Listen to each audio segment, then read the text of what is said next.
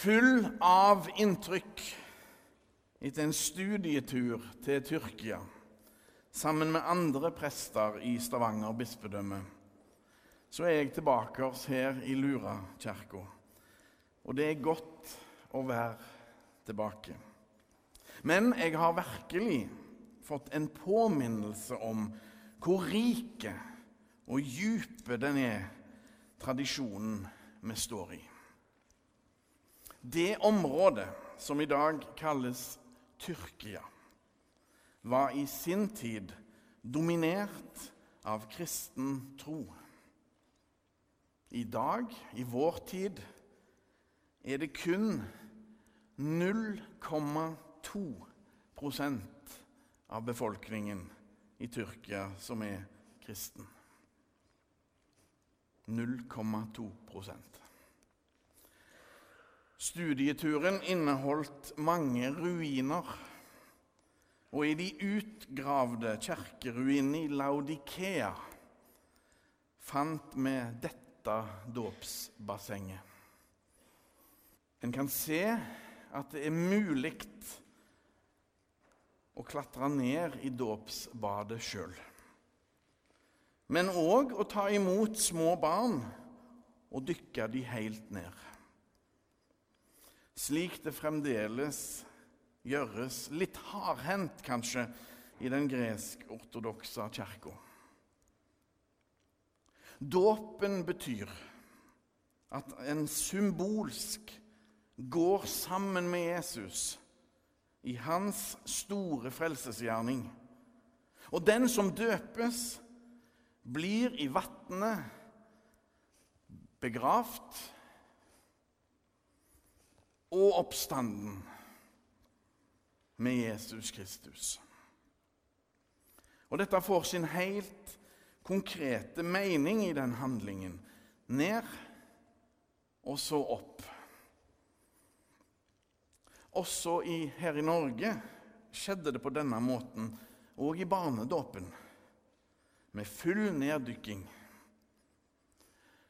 Men Norge ligger langt mot nord, og vannet var kaldt, og kirkene mangla oppvarming. Så for å si det enkelt, da ble det ganske fort for helsefarlig å gjøre det på den måten. Derfor har vi i vår tid kun tre håndfuller med vann for den som døpes. Og det er ganske varmt vann òg. I dag dreier det seg om dåpen. Og noe av det fineste og gledeligste jeg får lov til i min tjeneste som prest, det er å forrette dåp.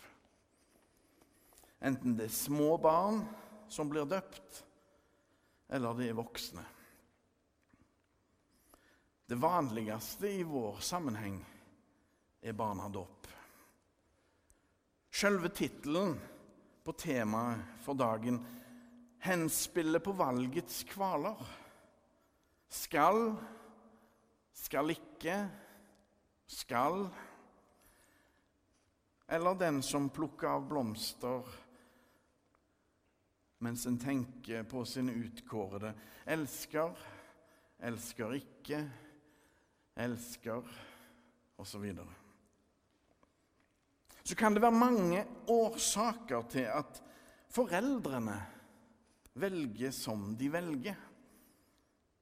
Dåpen er et av vår kirke sine to sakramenter. Dåp og nattverd hellige handlinger som Jesus sjøl har gitt oss. I dåpen blir vi født på ny, av vann og ånd. Jesus setter sitt seiersmerke på oss for alltid. For en stund siden gikk denne lille reklamesnutten på kinoer her i området. Og jeg husker at det ble helt stille i kinosalen. La oss se. Hvis teknikken nå er på vår side, så går dette bra. Himmelen er fantastisk. Den gir oss magiske øyeblikk.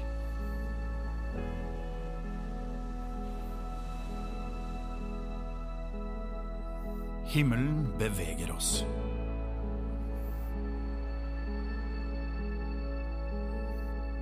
Mild, samtidig som den er mektig. Vi føler den og kjenner den. Himmelen gir livet, forsørger oss. Den favner hele kloden og viser oss når det er natt og dag. Vi ser på himmelen og oss selv, og det får oss til å tenke. Kan det være at himmelen er noe mer? Hva med de tingene som vi ikke ser eller føler? Er vi helt alene? Eller finnes det noe større? Noe stort der oppe som ønsker kontakt med oss små her nede? Hva om det finnes et øyeblikk hvor hele himmelen rettes mot ett enkelt lite menneske?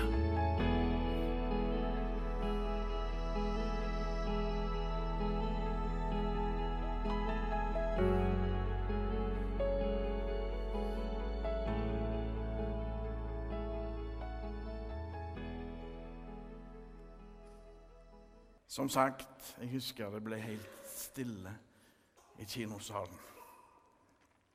Og så husker jeg òg at jeg eh, spurte en dåpsfamilie har dere sett den kinoreklamen. De bare så på meg og sa 'Kino? Når har vi tid til å gå på kino?' Kanskje var ikke det rette arenaen i og for seg. Fint og sterkt, i alle fall.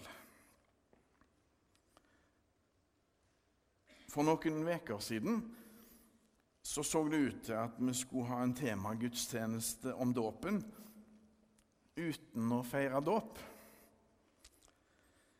Ingen var nemlig påmeldt til dåp i dag.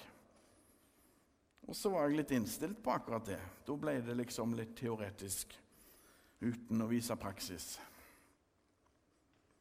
Men så eh, oppdaga jeg at lille Tiril var blitt påmeldt.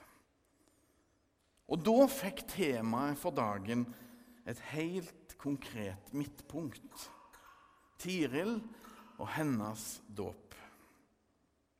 Og i dag fikk vi se Tiril bli overøst Guds nåde over sitt liv. Hun ble tatt om bord i Jesusbåten. Hennes navn er markert med et hjerte som skal plasseres sammen om bord i kirkeskipet. Og da er det at du, Inga Lill, skal få komme fram. Og så stiller jeg deg rett og slett spørsmålet Hvorfor velger dere å døpe deres barn? Altså Helt enkelt forklart så er det fordi at Jesus har sagt det. Eh, og med den trua vi har, så er det naturlig for oss å eh, velge å døpe barnet vårt, eller barna våre, og, eh, eh som en del av, av den eh, ja, oppdragelsen vi ønsker å gi dem i den kristne trua som vi har sjøl. Mm. Takk skal du ha.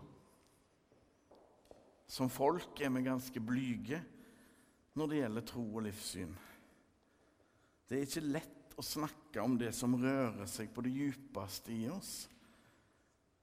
Da tenker jeg at når jeg kommer på besøk i dåpssamtale, da er det viktig at jeg beveger meg varsomt og forsiktig i det landskapet. Samtidig ønsker jeg å støtte de varmt i deres valg for sine barn, og å være lydhøre for ærligheten i de forskjellige svarene som blir gitt på spørsmålet som jeg ofte hadde en periode. Er det viktig for dere at barnet deres skal bli døpt? Og Da har jeg opplevd hele fjøla fra svaret nei til noe av det som ligner på det du svarte, Inga Lill. Uansett ønsker jeg da å framheve at det vi ser med våre øyne i dåpen, er faktisk bare tre håndfuller med vann. Men at vi satser på og tror på at dåpen er mye mer enn vann. Ja, at det er sjølve himmelen, den som døpes, får øst over seg. At dåpen er mer enn det vi ser. Og så prøver jeg også å si til dåpsfamiliene at kanskje vil de oppleve mer enn det de regna med på forhånd ville skje. Menigheten i Laudikea, fra der vi så dette bildet av dåpsbassenget, var en av de sju sendemenighetene som ble sendt et profetisk brev i Johannes' åpenbaring. På den tida ble òg en av tekstene vi leste fra, skrevet ned. Den kloke og nysgjerrige rådsherren Nikodemus kommer til Jesus om natta for å få vite mer om Jesus. Han forsto nok ikke så mye av det Jesus sa der og da, for Jesus snakker om dåpen. Vann og ånd, sier han. Den kristne dåp kom med Jesus. Allerede disiplene hans døpte, men Jesus døpte ingen. Og etter Jesu oppstandelse og himmelfart, for ikke å snakke om Den hellige ånds komme på pinsedagen, da ble dåpen selve inngangsporten i kristendommen. Medlemskap i flokken, om du vil. Selve frelsen og troens gave. Dåpen skjedde med én gang etter omvendelsen. Slik som med Saulus, eller senere Paulus, eller den etiopiske hoffmannen på reise. Og ofte ble en òg døpt med hele sitt hus og de minste barna. Og det er derfra vi har vår tradisjon med barnedåp. Døpe og lære leste vi nettopp fra Matteusevangeliets 28. kapittel. Gud gir oss sin redning, sin frelse, i dåpen.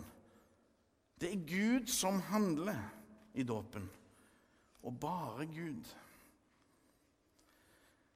slik også med nøddåpen og praksisen der viser. Hvis foreldrene ser at dette kan være farlig, ofte med for tidlig fødte barn, så ber de om dåp. Eller de får tilbud om dåp. Og hvis det da ikke er en prest til stede, så står det i rettledningen at hvem som helst kan utføre den nøddåpen med bitte litt vann på fingeren. Så det eneste som kreves, er at vedkommende som utfører dåpen, har respekt for den kristne dåp. Fantastisk. En tydeliggjøring av at i dåpen er det Gud som handler. Og derfor er det at jeg løfter opp hvert eneste dåpsbarn. For de kan bare ta imot. De kommer til Gud med seg sjøl, og bare det. Disse små er alle våre forbilder. For de viser oss at troen er en gave. En gave som bare kan tas imot uten at den kan bidra så mye som en tøddel sjøl. Gud har gitt oss dåpen som, som, et synlig tegn på sin usynlige nåde og kjærlighet. Og så kunne vi gjerne, gjerne nå ha spekulert ja, men hva hvis et barn ikke blir døpt? Da er det deilig å kunne si at det har sikkert Gud en ordning på. Gud får ordne opp i det, og ikke vi. Jeg glemmer aldri ved døpefonten her storebroren som skulle tørke hodet på dåpsbarnet, men som etter litt grann betenkningstid tørka seg sjøl i fjeset heller. Jeg må innrømme at jeg brast i latter. Eller den lille poden som tydelig nøyte det varme vannet. Eller da jeg fikk tutten i hodet. Og jeg vet med meg sjøl at en dag kommer gulpet. Men jeg skal holde fast uansett.